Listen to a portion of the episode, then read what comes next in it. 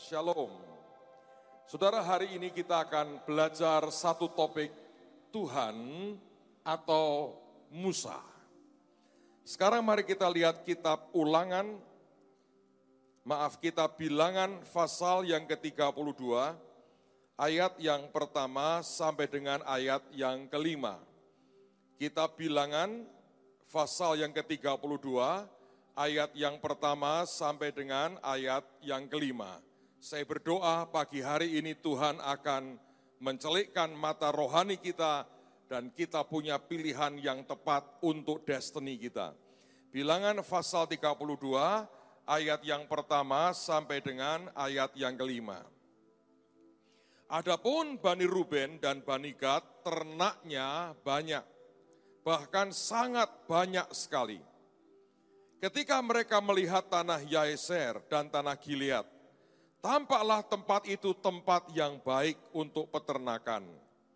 Lalu datanglah Bani Gad dan Bani Ruben dan berkata kepada Musa, Imam Eleazar, dan para pemimpin umat itu, Atarot, Dibon, Yaeser, Nimra, Heshibon, Eleale, Sebam, Nebo, dan Beon, Negeri yang telah dikalahkan Tuhan untuk umat Israel, itulah suatu negeri yang baik untuk peternakan.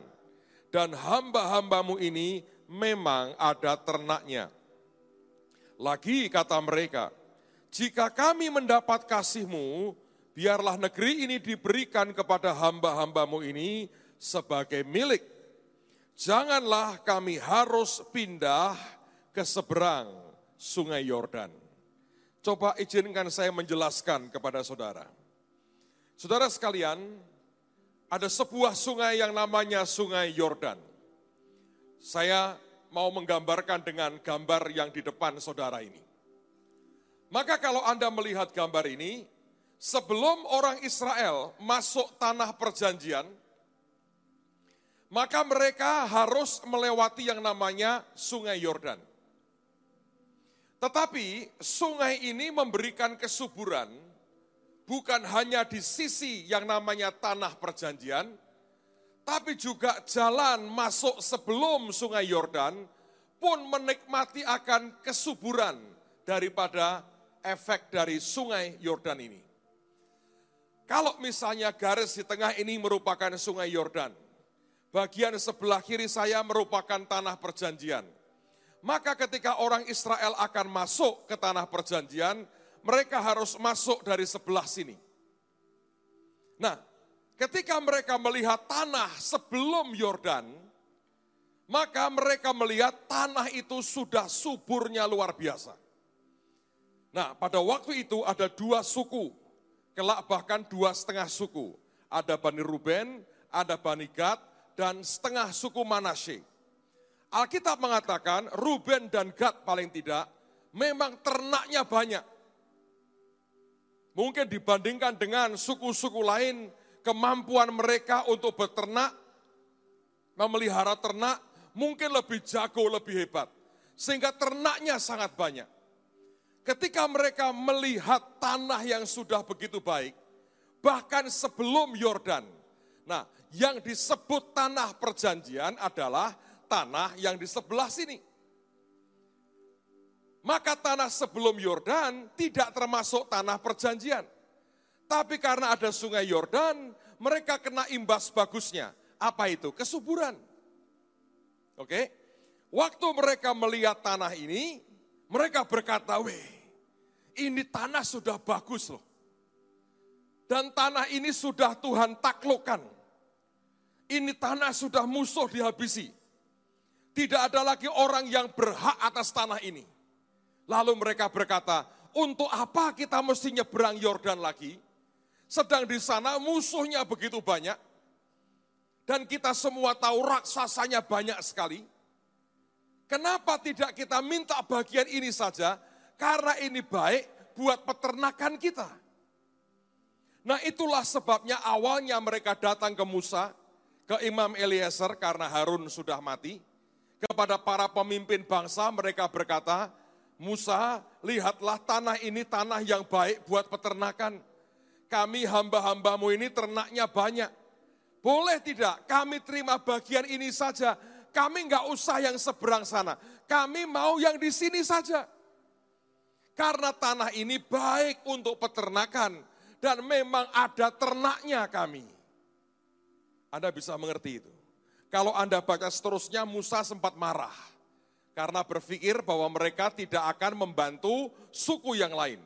Tapi mereka berkata, oh tidak, pasukan perang kami akan membantu yang lain sampai mereka dapat tanah. Tapi kami pilih tanah yang di sini.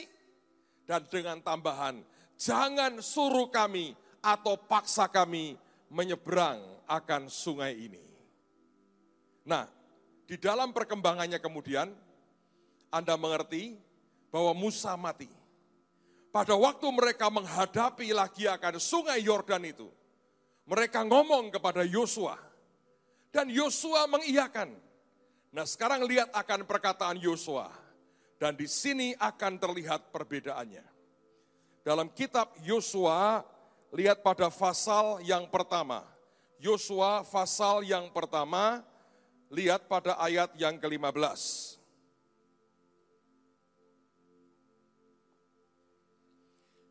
Yosua berkata begini, Sampai Tuhan mengaruniakan keamanan kepada saudara-saudaramu seperti kepada kamu juga, dan mereka juga menduduki negeri yang, perhatikan, diberikan kepada mereka oleh Tuhan Allahmu. Negeri yang mana itu? Negeri yang di seberang sungai Yordan. Yosua berkata, oke okay, ayo kamu boleh nikmati itu, tapi kamu perang dulu, tolong yang lain sampai saudara-saudaramu mendapatkan, menduduki negeri yang akan diberikan oleh mereka kepada mereka oleh Tuhan Allahmu. Jadi ada negeri yang diberikan oleh Tuhan Allah kita. Yosua berkata, kemudian bolehlah kamu pulang kembali ke negerimu sendiri dan menduduki negeri yang diberikan bukan Tuhan Siapa saudara? Musa, hamba Tuhan itu kepadamu di seberang sungai Yordan, di sebelah matahari terbit. Saya mau ulang lagi supaya Anda mengerti. Ini orang Israel, mereka bersiap menyeberang sungai Yordan, lalu kemudian Bani Ruben, Bani Gad, kelak ada separuh dari Bani Manasye, berkata kepada Musa awalnya, Musa negeri ini bagus buat peternakan, ternak kami banyak, kami butuh tempat seperti ini untuk peternakan kami. Musa berkata, oke, okay, tapi kamu tolong dulu semua yang lain, baru kemudian kamu boleh tinggal di situ. Mereka berkata, oke. Okay. Tapi kemudian waktu berjalan Musa mati, tidak sampai masuk tanah Kanaan, tiba waktunya mereka harus masuk Kanaan, mereka menghadap ke Yosua. Mereka berkata, sudah ada perjanjian kan, kamu ngerti, antara kami dengan Musa. Yosua berkata, aku mengerti. Tapi seperti kata Musa, kamu tolong dulu saudara-saudaramu yang lain, sampai mereka menduduki tanah yang Tuhan berikan kepada mereka. Yordan ini memisah dua, antara tanah yang Tuhan beri, dan dia berkata, setelah itu silahkan kau menempati tanah yang Musa berikan kepadamu. Mudeng saudara ya. Jadi kalau Anda nyebrang Yordan, saudara mendapatkan yang Tuhan beri. Kalau Anda belum nyebrang Yordan, walaupun juga subur, itu tanah yang Musa beri. Ada banyak orang bertanya, Pak, di mana sebetulnya kesalahannya? Saudara sekalian, perhatikan baik-baik. Ini sebetulnya sesuatu yang penting buat hidup kita. Siapa yang ingin melihat hidup Anda, anak cucu Anda dijamin oleh Tuhan? Lambaikan tangan saudara. Saya mau sampaikan sesuatu, tolong Anda fokus sekian menit ke depan. Supaya hidupmu itu engkau beri arah yang persis tepat. Karena kalau tidak, ini masalah besar. Saya merenungkan akan dua ayat ini. Sebetulnya di mana persoalannya? Persoalannya adalah kalau saudara memilih seperti Ruben, Gad, dan Manasye, Anda memilih berdasarkan apa yang kau lihat buat kepentinganmu, buat kebutuhanmu, buat kebesaranmu, buat berkatmu, buat keluargamu, buat anak cucumu. Dan saya berkata, tidak salah itu. Tapi ingat, yang namanya tanah perjanjian itu di seberang Yordan. Hanya beda satu sungai, maka namanya berbeda. Ini pemberian Musa dan ini pemberian Tuhan. Pak, di mana bedanya? Kalau pemberian Tuhan namanya promised land, tanah yang dijanjikan. Dan Tuhan berkata, aku berjanji bahkan dengan sumpah. Dengan Abraham dia berjanji, dengan Ishak dia bersumpah, dengan Yakob dia buat sebuah ketetapan. Dia berkata, kalau kamu nyeberang Yordan, di dalam tanah yang aku berikan ini ada perjanjianku, ada sumpah yang aku ucapkan, dan ada penetapan yang aku berikan. Tapi kalau engkau pilih yang ini, ya ini pemberian Musa. Kalau Musa mati, gimana ngurusnya Pak? Ya carilah Musa. Di sini Tuhan yang memberikan, tidak pernah mati. Dia Tuhan yang kekal selama-lamanya. Ini sebuah choice. Ini sebuah pilihan. Apakah kita mau memilih yang Musa beri atau Anda mau pilih yang Tuhan beri? Nah, di dalam kenyataannya, perhatikan baik-baik. Saya mau jelaskan supaya Anda mengerti. Ada banyak orang struggle dengan kehidupan sehari-harinya. Saya beberapa hari terakhir ini di info orang, ditanyain orang, di SMS orang, semua berkaitan dengan struggle soal kehidupannya di dunia ini. Saya harap ini menjawab, saudara. Saya harap ini menjawab. Sebagian besar orang itu hidup di sini. Di pemberian Musa karena yang dikejar itu bagaimana perusahaanku lebih gede, bagaimana incomeku lebih banyak, bagaimana hidupku lebih baik, bagaimana anak cucuku lebih makmur, bagaimana hidupku itu tercukupi semua, bagaimana utangku lunas, bagaimana rumahku gak disita bank, bagaimana ini, bagaimana itu, semua sebetulnya apa yang Anda butuhkan di dunia ini. Bahkan gak salah, tidak salah kok. Itulah sebabnya Ruben, Gad, Manasye tetap diberi. Kalau ini dosa besar, tidak akan diberi. Ini bukan dosa. Ini pilihan. Ingat ya saudara, dalam surat Yohanes yang ketiga, Yohanes berkata begini, Aku berdoa di atas semua yang lain, kiranya engkau berkelimpahan dan dalam keadaan sehat, sebagaimana jiwamu juga berkelimpahan dan sehat. Kata berkelimpahan di situ tuh artinya terjemahannya to help on the road. Itu sebuah bekal untuk perjalanan kita. Nah, Anda bisa pilih tipe perjalanan hidup seperti apa yang sebetulnya Anda inginkan. Kalau ini merupakan sebuah pencapaian pribadi dan keluarga, maka saya beritahu perjalanan hidupmu adalah perjalanan hidup yang sebenarnya maksimal 80-90. Baru-baru ini orang tertua di dunia yang orang Jepang meninggal katanya dalam usia 114 tahun. Siapa yang pengen hidup sampai 114 tahun? Coba lambaikan tangan tinggi-tinggi. Ngomong dulu sama keluargamu, mau nggak ngurusi saudara? Karena saya lihat ada orang yang masih hidup, semua organnya baik, tapi nggak mati-mati. Kemarin saya diberitahu ada orang itu masuk ICU koma 15 tahun.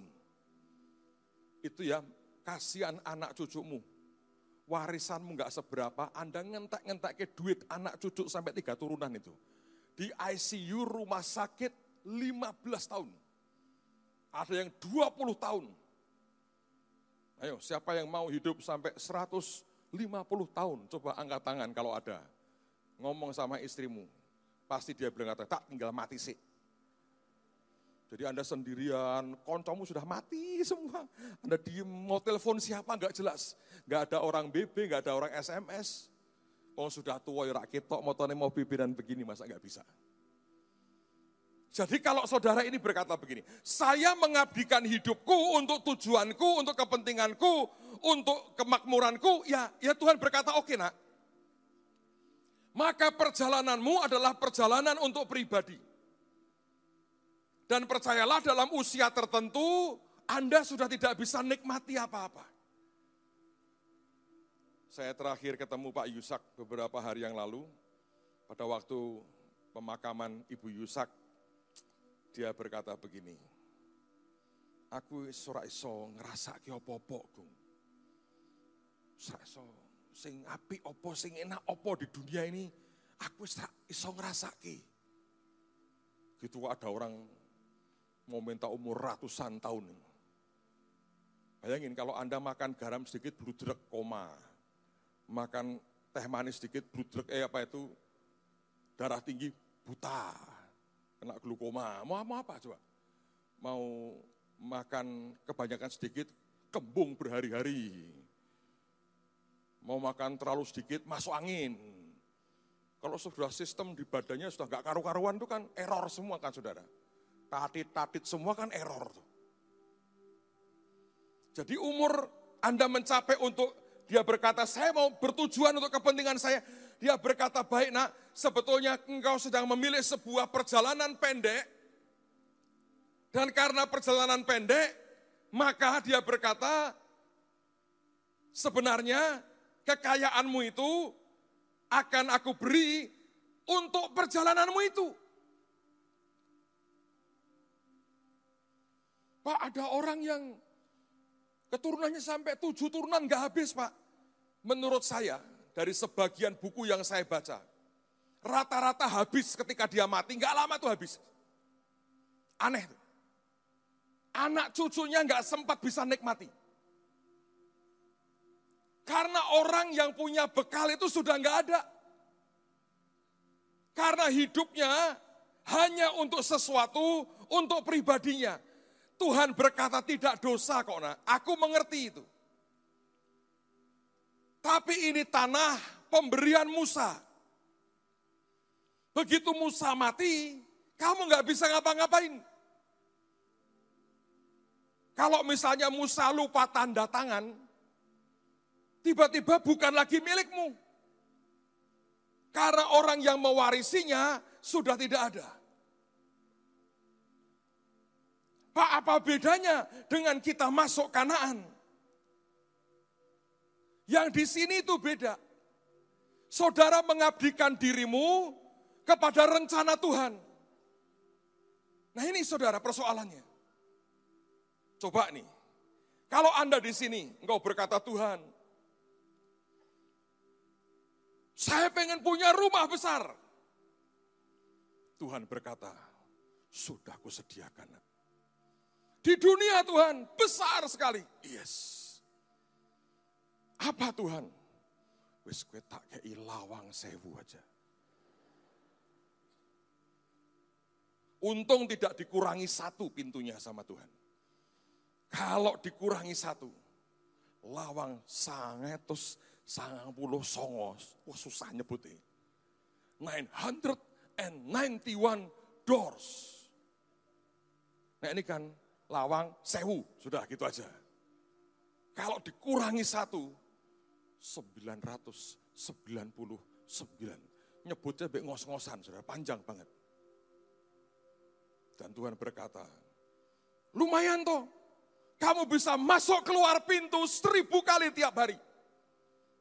Dan konon bagian paling bawah itu untuk uji nyali. Bagus untuk Anda punya nyali besar Jumat Kliwon turun ke bawah, girap-girap naik ke atas. Tak beri lawang sewu. Maka semua upaya saudara kerja, coba Anda punya rumah berapa sekarang? Dengan satu lawang sewu kan kalah sama lawang sewu. Tapi itu yang terjadi.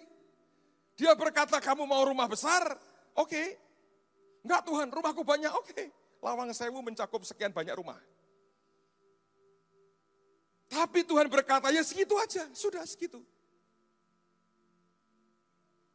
Saya beri contoh hidup saya. Kalau dari awal saya mengabdikan diri saya untuk kepentingan pribadi saya. Saya bersyukur Tuhan memanggil saya jadi hambanya. Kalau dari awal tidak ada panggilan Tuhan dalam hidup saya. Dan saya tidak mengerti akan sebuah kebenaran yang hari ini saya sampaikan kepada Anda.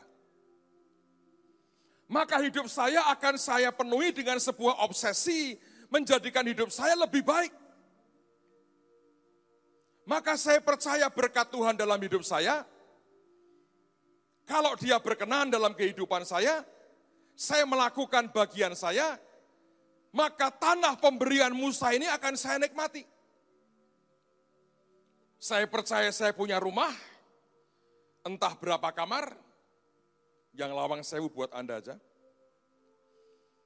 Mungkin saya pasti juga punya mobil, entah mobil apa. Tiap bulan saya pasti dapat income, Tuhan pelihara hidup saya, itu pasti. Tapi kemudian ada orang berkata begini, tapi Anda beda Pak. Saya bilang, di mana bedanya? Mereka berkata, saya lihat Anda diberkati. Yang saya berkata, yang Anda lihat baru 0, sekian persennya. Kenapa bisa begitu Pak? Sebab suatu hari di tahun 79, tiga bulan setelah saya lahir baru, saya mendengar sebuah perkataan Tuhan, jadi hambaku nak. Begitu saya mengiyakan, saya lompat dengan sukacita, saya seberangi Yordan, saya berkata, aku di sini Tuhan. Ketika saya menyeberang Yordan, saya memilih tanah yang Tuhan berikan, bukan yang Musa beri. Tuhan tiba-tiba menyodori saya sebuah planning yang berbeda. Kalau di sini begitu saya memilih mencari akan tujuan hidup saya sendiri, dia berkata, baiklah inilah hidupmu seperti ini. Kapasitasmu seperti ini. Saya kemarin waktu melepas jenazah Ibu Ruth, kakaknya Ibu Yusak di Telogorjo. Yang ikut bantu itu dari Tabita. Ada satu koordinatornya, saya lupa tanya namanya siapa. Dia ngerti saya, ngerti papi saya. Dia orang Isal masih mentok, saudara. Ketemu saya ngomong begini, itu yang manggul juga orang-orang Isal masih itu ternyata. Luar biasa. Dia ngomong gini, wah Anda itu luar biasa ya. Kita tuh dulu baptis sama-sama loh. Gak ingat saya. Baptis tahun 86 toh. Iya betul. Sama-sama loh. Saya sempat jadi guru sekolah minggu di rumahmu itu. Cerita macam-macam, macam-macam. Terus dia ngomong, itu beberapa yang yang manggul, yang gotong peti itu, rupanya orang gereja. Terus dia ngomong begini, ini dulu ya, celingos ini. Celingos, Anda tahu celingos? Celingos ini. Sekarang kok jadi pendeta? Jadi Tuhan berkata gini, oke, okay, lu mau kejar akan sesuatu untuk pribadimu, dia berkata, nomor satu, kamu celingus. Celingus itu bahasa apa toh? Jawa ya, bukan Perancis ya, Jawa. Celingus kamu. Celingus itu orang pemalu, orang minder, terus campur aduk itu namanya celingus itu. Memang katanya bahasa Jawa itu luar biasa. Dan katanya orang Indonesia itu memang terkenal pemberani. Gitu, kan di medsos lagi rame itu ribut Jakarta, orang kita dengan tenang selfie, bom ledak, dang, foto dulu, cepret. Dadadadadadat, foto dulu, luar biasa. Ada polisi yang tembak-tembakan, ada yang selfie dulu. Itu Indonesia. Banyak orang berkata, lah ya wong tong seng aja dimakan, perut tidak luka. Orang Semarang makanya ganjel, real.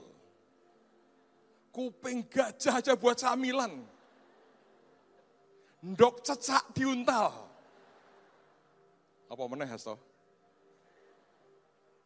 Hah? Balung kuuk tedas. Bagaimana teroris mau mengacau begitu? Salah lah. Tim di Avenger yang di TV-TV itu, yang di film-film itu, nah lewat sama orang kita. Bener gak? Mereka punya Superman, eh, salah be Gatot Koco. Otot kawat, balung wesi. Bagaimana mau menang? So, Tuhan berkata gini, oke, okay, modalmu ya nak, celingus. Sekolah sampai SMA, orang pinter. SMP merahmu, tujuh rapotmu. Merah munggah. Kuliah sejarah, makanlah prasasti Mojopahit sana. Kira-kira ini nasib orang celingus, sekolah rak pinter, kuliah sejarah, jadi apa? Anda berani gaji berapa orang seperti itu? Surah apa apa? Saya malu kok. Celingus. Suruh presentasi, pipis terus setiap dua menit. Stres. Anda mau gaji berapa? Tapi mungkin Tuhan dalam kemurahannya berkata, mesakno kasihan. Digajilah sedikit. Anda bisa ngerti. Jadi peragawan, nggak ada yang mau.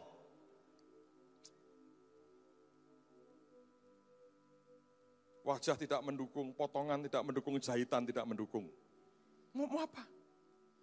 Maka dia berkata, baik inilah rencanaku. Dan kamu butuh uang berapa sih? Wong doyanannya cuma soto bukan steak, murah irit. Maka Tuhan ngitung budget hidup saya, dia berkata, sekian ya cukup buat kamu. Sudah harus bersyukur. Itu karena ini tanah diberikan Musa. Karena Ruben Gad berkata, ternak kami banyak, kami butuh tanah peternakan, ya ini tujuan kami begini. Mereka tidak pernah menyadari Tuhan sedang membangun sebuah bangsa besar. Mereka hanya memikirkan diri mereka sendiri. Maka mereka hidup berdasarkan apa yang ada pada mereka. Beberapa Anda mungkin lebih baik dari saya. Dari muda mungkin Anda adalah orang yang jadi fotogenik. Fotogenik itu artinya kalau di foto tok bagus. Realitanya kurang, di foto bagus. Nah itu bisa jadi foto model, toh?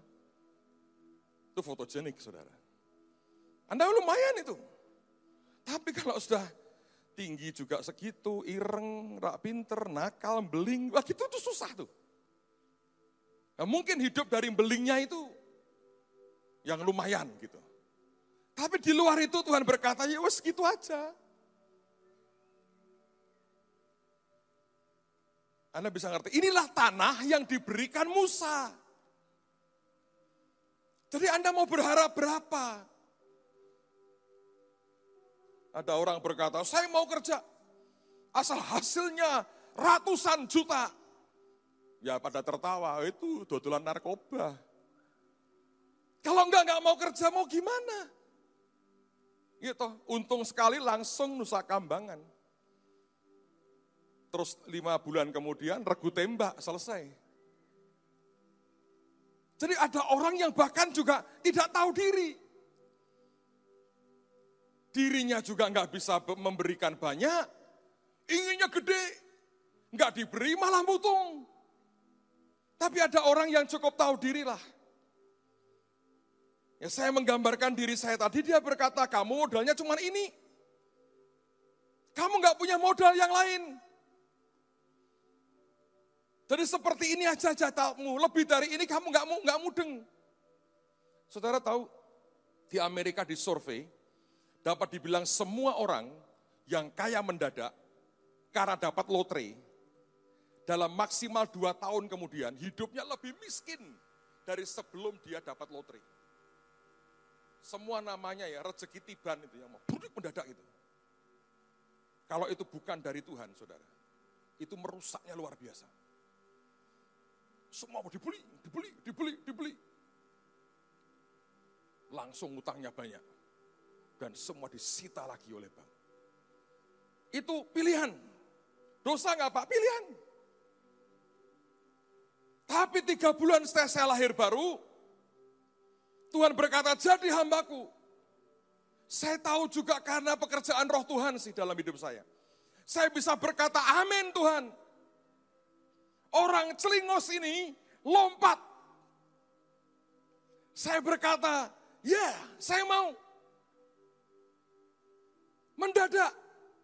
Kalau orang celingos ini ketemu satu orang berkeringat. Ketemu lima orang pingsan. Begitu pindah di sini ketemu satu orang biasa, ketemu cuma lima orang sedih. 50 ribu saya suka. Tiba-tiba ketika saya pindah dia berkata begini, ini buat si celingos itu saya robek-robek tidak berlaku lagi. Aku sodori rencanaku bukan rencanamu. Dan tiba-tiba dia gambarkan sebuah rencana besar dan dia berkata, aku taruh kamu di tengah-tengah rencanaku ini dalam hidupmu sampai nanti aku datang, engkau harus selesaikan ini, selesaikan ini, selesaikan ini. Ini bagian kerjamu buat membangun kerajaanku yang besar.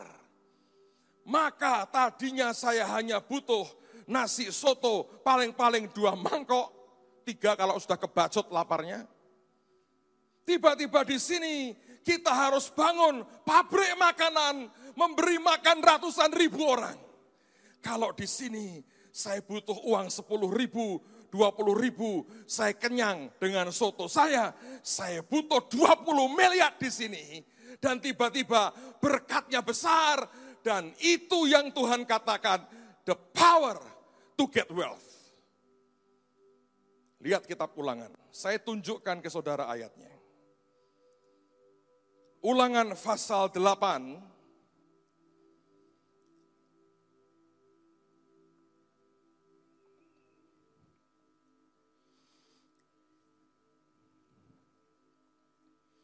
Ulangan pasal 8, ayat 17 dan 18. Maka janganlah kau katakan dalam hatimu, kekuasaanku dan kekuatan tanganku lah yang membuat aku memperoleh kekayaan ini. Tetapi haruslah engkau ingat kepada Tuhan Allahmu, sebab dialah yang memberikan kepadamu kekuatan untuk memperoleh kekayaan, the power to get wealth. Dengan maksud meneguhkan perjanjian yang diikrarkannya dengan sumpah kepada nenek moyangmu seperti sekarang ini. Perjanjian yang diucapkan dengan sumpah adalah perjanjian untuk membuat Abraham jadi bangsa yang besar, mendapatkan tanah perjanjian dan diberkati Tuhan dan olehnya semua kaum di bumi akan mendapat berkat. Untuk meneguhkan ini, bukan ini. Tanah pemberian Musa tidak ada covenant Tuhan atasnya. Tapi tanah perjanjian ada sumpah Tuhan. Dan bagian untuk meneguhkan yang di sini dia berkata, aku memberi kepadamu the power to get wealth. Saudara, itu bedanya. Kalau saya mengabdikan diri untuk kepentingan saya pribadi dan keluarga saya, semua keterbatasan saya akan menghentikan saya. Ketika saya lompat mengabdikan diri kepada rencana Tuhan, semua yang harus saya selesaikan, dia turunkan lewat hidup saya. Dan itu akan begitu besar. Dan orang berkata, kok bisa? Sebab saya tidak mengejar yang di situ. Saya mau yang di sini. Apa yang saya dapat dari Tuhan untuk pengabdian kepada rencananya. Sampai Tuhan datang kedua kali. Saya tahu bagian yang harus saya selesaikan. Saya tidak butuh iman bangun Holy Stadium kalau saya di sini saya hanya butuh untuk kontrak rumah atau saya hanya butuh untuk kredit rumah 15 tahun. Dari punya anak sampai rada tua lunas. 15 tahun di sini. Saya hanya butuh iman untuk ngangsur rumah 15 tahun di sini. Tapi kalau saya di sini, saya nggak punya waktu untuk ngangsur ini 15 tahun. Tuhan selesaikan dalam waktu singkat dan boom selesai. Sepuluh tahun terakhir ini, bahtera Tuhan berkata buat di sini. Karena dia berkata aku mau ada bahtera di sini. Aku mau ada kegerakan di tempat ini. Bangun. Tiba-tiba the power to get wealth turun. Dan kita bangun bersama-sama. Dalam tiga empat tahun kita selesai lunas tidak ada utang apa-apa. Tapi kalau saya di sini, saya nggak butuh power untuk seperti ini. Masa Anda mau punya rumah kayak Holly? Tiap hari tidur di kursi gantian. Sampai 15 ribu kali ganti, baru ganti yang pertama. Untuk apa? Anda toh tidak butuh. Tapi Tuhan butuh yang seperti ini. Mungkin satu hari dia butuh yang lebih besar lagi. Supaya jiwa-jiwa makin banyak diselamatkan dan hidup mereka diubah. Tapi engkau tidak bisa jalan di sini. Kalau engkau hari ini kerja berkata Tuhan. Aku mau kerja supaya menetapkan, menggenapkan rencanamu lewat hidupku. Anda bergeser di sini. Dan itu tidak bisa loh, Anda nipu Tuhan dengan kata-kata bagus. Beberapa orang mencoba untuk menurut saya tanda petik memanipulasi Tuhan. Ada beberapa orang datang ke saya bawa berbagai proyek yang dia butuh uang untuk selesaikan semuanya. Dan dia bilang, Pak tolong doakan. Saya bilang, kenapa? Ini proyek kalau jadi Pak, untuk membangun, untuk, untuk GA Pak. Untuk GA terlaksana, ini kan sudah mepet Pak. GA harus ada pendanaan. Saya tanya, berapa nanti untungnya? Ya satu miliar kurang sedikit Pak. Ya saya bukan menghina. Itu seperti orang sedang memojokkan Tuhan yang tidak pernah bisa dipojokkan. Karena saudara harus tahu, sewa panggung, lighting, lampu, itu top itu itu butuh 5-6 miliar.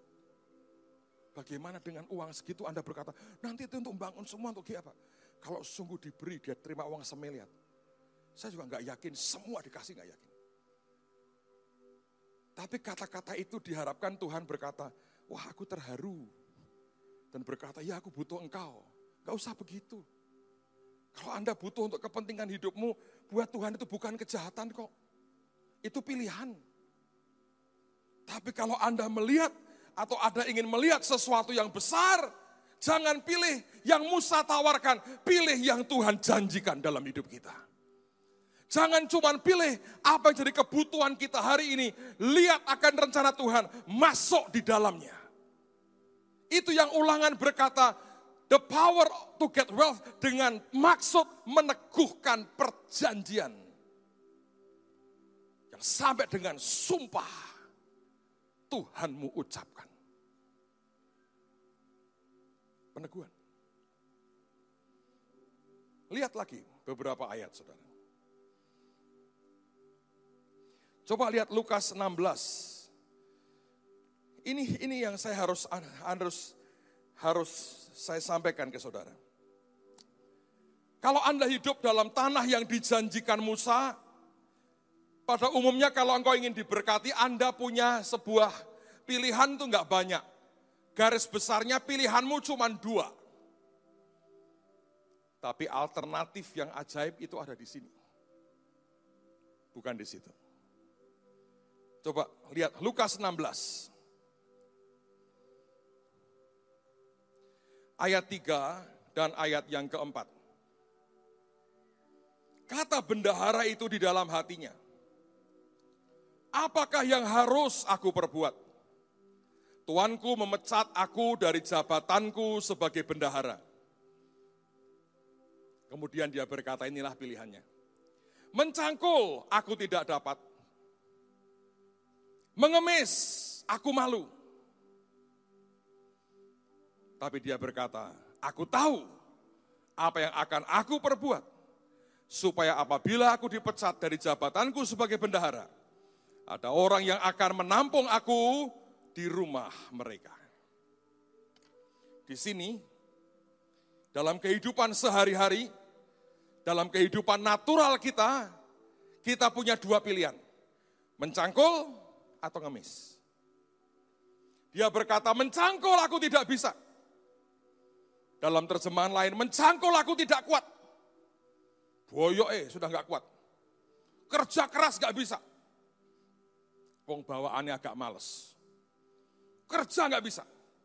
Ngemis, malu. Di dunia ini hukumnya begitu. Anda kerja keras atau minta belas kasihan orang lain. Kalau engkau kerja keras, hidupmu diberkati bisa. Ada hukum untuk itu. Atau engkau mengharapkan belas kasihan orang lain. Yang mana? Di sini ada yang namanya kasih karunia Tuhan. God's grace and favor turun dalam kehidupan kita. Amen, saudara. Saya kalau lihat orang-orang lain kerja jauh lebih baik, jauh lebih pinter, jauh lebih kerja keras. Pak, tapi kan duit mereka mungkin lebih banyak dari duit Bapak. Mungkin. Saya tidak meragukan itu. Tapi, hitungan di surganya lain. 70 tahun dari sekarang, kalau generasi ini sudah lewat, kan tidak ada yang masih ingin hidup kan 70 tahun dari sekarang. Kalau sudah lewat generasi ini, maka yang Anda simpan di dunia, nggak ada hitungannya. Tapi saya punya catatan panjang di surga. Saya harap Anda juga. Karena kita sedang accomplish apa yang menjadi rencana Tuhan yang ajaib. Dan di situ saya berkata hidup kita ini punya arti yang luar biasa. Coba lihat perkataan dalam Injil Yohanes. Kalau Anda mau melihat Yohanes pasal yang pertama, ayat 16 dan ayat yang ke-17. Yohanes pasal pertama, ayat 16 dan ayat yang ke-17. Karena dari kepenuhannya kita semua telah menerima kasih karunia demi kasih karunia, sebab hukum Taurat yang isinya jangan ini, jangan ini, jangan ini, harus ini, harus ini, harus ini. Hukum Taurat diberikan oleh Musa tetapi kasih karunia dan kebenaran datang oleh Yesus Kristus. Jadi saudara mau pilih mana? Di sini Musa berkata, harus ini, harus ini, harus ini, jangan ini, jangan ini, jangan ini. Isinya peraturan tok. Tiba-tiba kita nyebrang dan kita berkata, kasih karunia dan kebenaran datang oleh Yesus Kristus. Dua kejadian, bahkan mungkin lebih, saya lihat dalam satu bulan terakhir ini, yang membuat saya mau berkata buat saudara, hidup dalam Goshen sebagai sebuah perkecualian di depan Tuhan itu ada. Yang pertama, kalau Anda masih ingat peristiwa The Great Awakening tanggal 29 Desember yang lalu. Saya makin hari makin dengar banyak kesaksian orang-orang apa yang terjadi hari itu. Saudara kalau Anda masih ingat, bahkan pembimas Kristen Semarang yang memberitahu kami pertama kali bahwa di luar di kota itu hujan lebat. Ada jemaat yang masuk begitu sampai di dekat kantor bea cukai itu kaget. Seperti ada seperti tirai, Saudara. Hujan itu seperti tirai. Anda bisa lihat seperti garis begini. Antara yang basah dengan yang kering. Hanya satu garis bedanya di sini hujan lebat turun. Begitu dia geser di sini, kering sama sekali. Kalau ada waktu mungkin dia bisa bermain, dia tengah-tengah, sebelah kirinya basah, sebelah kanannya kering. Tapi itu seperti dipayungi. Areal di mana kita ada dipayungi. Saya tidak saya tidak bisa memungkiri para pendoa kerja berhari-hari sebelumnya mereka muter 24 jam setiap bagian melakukan bagian mereka. Pasukan sofar, tiup sofar berulang-ulang. Pendoa kita muteri tanah 8 hektar itu. Dan di situ Tuhan bertindak. Dia buat sebuah payung jelas sekali. Sampai saya pernah ceritakan, yang jaga PRPP tanya sama Bu Yos, ini manggil pawang dari mana? Dibilang, ya ini pawangnya tidur di sini. Boten pitados tidak percaya katanya. Karena kalau sudah bisa garis seperti itu, kalau bukan pawang tingkat tinggi ilmunya, nggak akan seperti itu. Kalau pawang lain itu nggak terlalu jelas. Kadang masih kena gerimisnya, kena apanya. Dia bilang ini kayak garis. Kalau sudah garis begitu, itu kalau ilmunya tidak tingkat tinggi nggak mungkin. Ya kita semua tertawa, wong itu Yesus Kristus Tuhan kok. Pasti paling tinggi kan.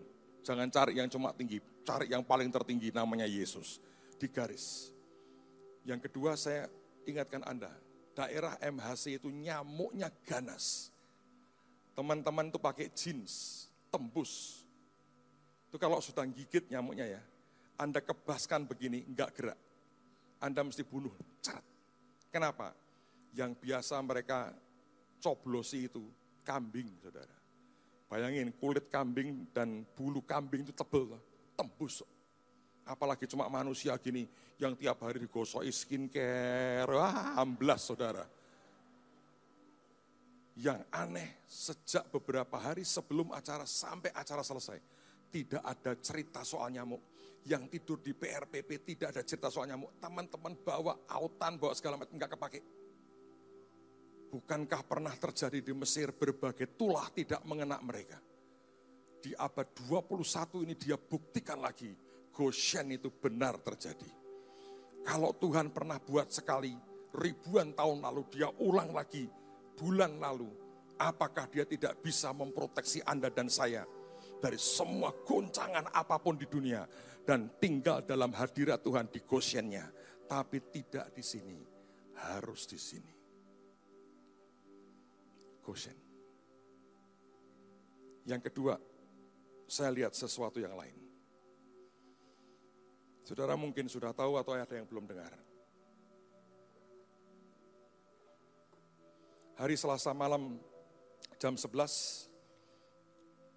Ibu Yusak dipanggil pulang.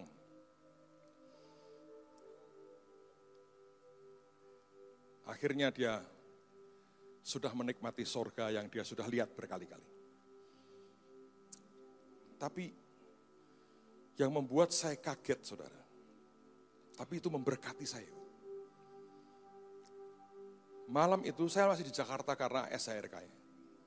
Malam itu direncanakan, no rebonya, rebonya direncanakan tutup peti jam 7 malam. Kira-kira setengah lima mungkin atau jam 4, nah, saya nggak tahu persisnya. Kakak kandung beliau itu berniat pulang ke Semarang. Mungkin ya sudah semua selesai. Mereka kan bertiga ya. Yang tengah, yang itu saya suka kenal juga. Sudah lama juga pulang. Tinggal berdua. Saya saya terus terang setahu saya ini dan sebanyak orang berkata ini kakak adik yang rukun sekali. Rukun sekali melihat adiknya pulang, ya sudah. Selasa itu, atau rebu ya, rebunya berniat pulang ke Semarang. Di perjalanan nafasnya sesak, seperti muntah atau apa begitu. Dek, pulang. Kakak kandungnya juga pulang. Saya malam dilihatin fotonya, ini dua peti jenazah, tutup petinya sama-sama adik dan kakak. Ayo, siapa bisa ngatur seperti itu?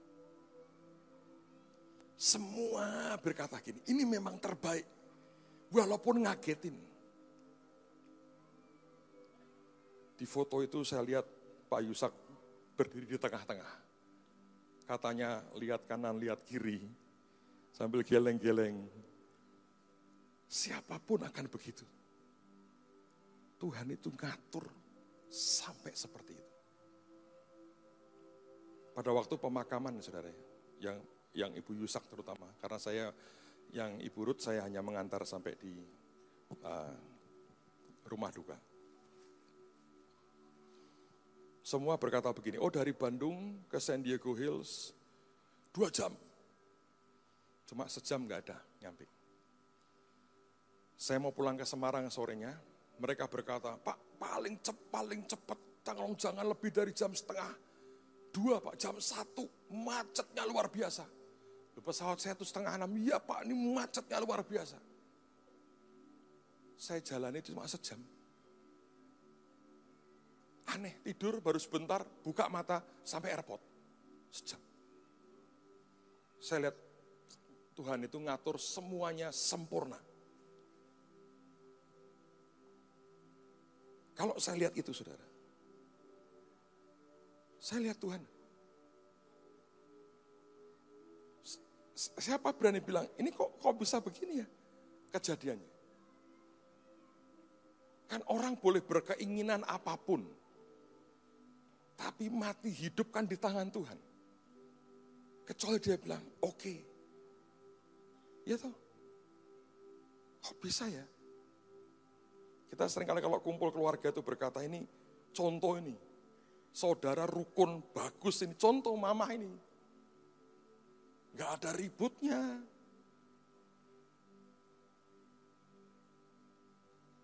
Yang kakaknya saya dengar sempat tanya, nanti kalau kamu pulang yang nelponi aku siapa? Tapi adiknya sudah ngurusi. Beberapa orang dipeseni, nanti kalau aku sudah nggak ada, kamu gantian ngurusi tajikku ya. Rupanya Tuhan berkata gini, Wong ini rukun barengan, makanya Anda mesti rukun. Supaya ke surga. Maksud saya bukan barengan dengan siapa-siapa, enggak. Kalau Anda misalnya punya musuhan sama orang Kristen, terus dia sudah ke surga, Tuhan berkata gini, wong kira rukun, no, jadi campur ke wes, kono wae. Nah repot tuh saudara. Makanya saya bilang, rukun tuh bagus.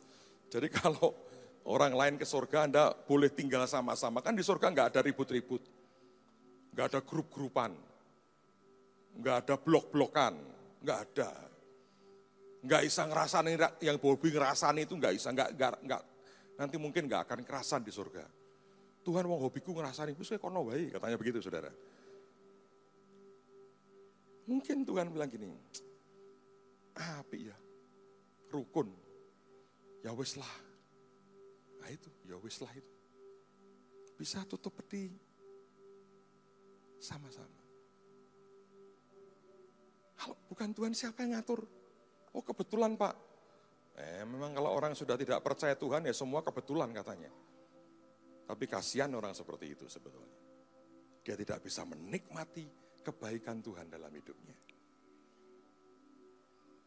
Saya mau berkata buat saudara, pilihlah sebuah tujuan hidup yang mulia. Anda terhisap dalam rencana Tuhan yang ajaib dan luar biasa. Amen, saudara. Ayat terakhir.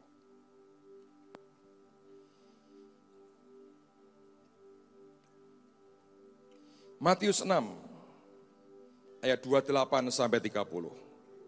Matius 6 ayat 28 sampai 30. Dan mengapa kamu khawatir akan pakaian? Perhatikanlah bunga bakung di ladang yang tumbuh tanpa bekerja dan tanpa memintal. Namun aku berkata kepadamu, Salomo dalam segala kemegahannya pun tidak berpakaian seindah salah satu dari bunga itu. Jadi jika demikian Allah mendandani rumput di ladang yang hari ini ada dan besok dibuang ke dalam api, tidakkah ia akan terlebih lagi mendandani kamu, hai orang yang kurang percaya. Sampai Tuhan berkata, aku juga sanggup kok dandani kamu. Kalau Anda di sini, ya tergantung anda pesolek ya Anda akan dandan, kalau Anda pesolek tapi kikir ya ala kadarnya. Gitu. Baju aja tiga hari baru diganti. Untuk apa? Ngirit. Candal-candal di mana-mana itu. Supaya irit, bahan cucian. Eh, ya begitu. Tapi kalau Anda di sini, Tuhan berkata, aku bisa dandani kamu minggu pertama tahun ini, bulan Januari, tanggal berapa itu? Tiga atau tanggal empat. Saya khotbah pagi di sini. Ibu Yusak sudah di rumah sakit, masih sadar?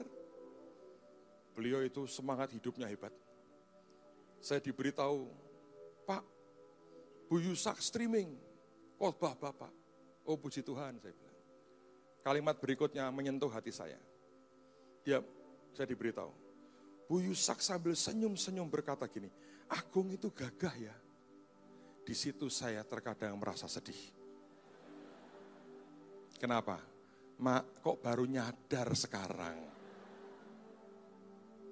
Kalau saya di sini tidak ada orang ngomong seperti itu, saudara. Sebab ini tanah pemberian Musa. Kalau saya masuk di sini, Tuhan ganti saya dengan jubah yang terbaik. Dia beri saya cincin, dia beri saya sandal. Dia berkata masuk dalam pesta Bapakmu. Dan di situ hidup kita berubah karena anugerahnya. Saya berdoa, Anda jawab itu, Tuhan atau Musa. Saya berkata, I choose God. Saya memilih Tuhan. Bagaimana dengan Anda? Tutup Alkitabmu. Mari berdiri sama-sama. Siapa diberkati Tuhan hari ini? Mari berdiri sama-sama. Engkau, bers, engkau Tuhan yang besar Tuhan. Engkau Tuhan yang luar biasa. Engkau Tuhan yang menjagai kami, Engkau Tuhan yang membuat kami berbeda. Memintakan berkat yang ajaib turun bagi anak-anakmu. Terima kasih Tuhan. Terima kasih Tuhan. Mari nyanyikan sama-sama. Semua karena anugerahmu.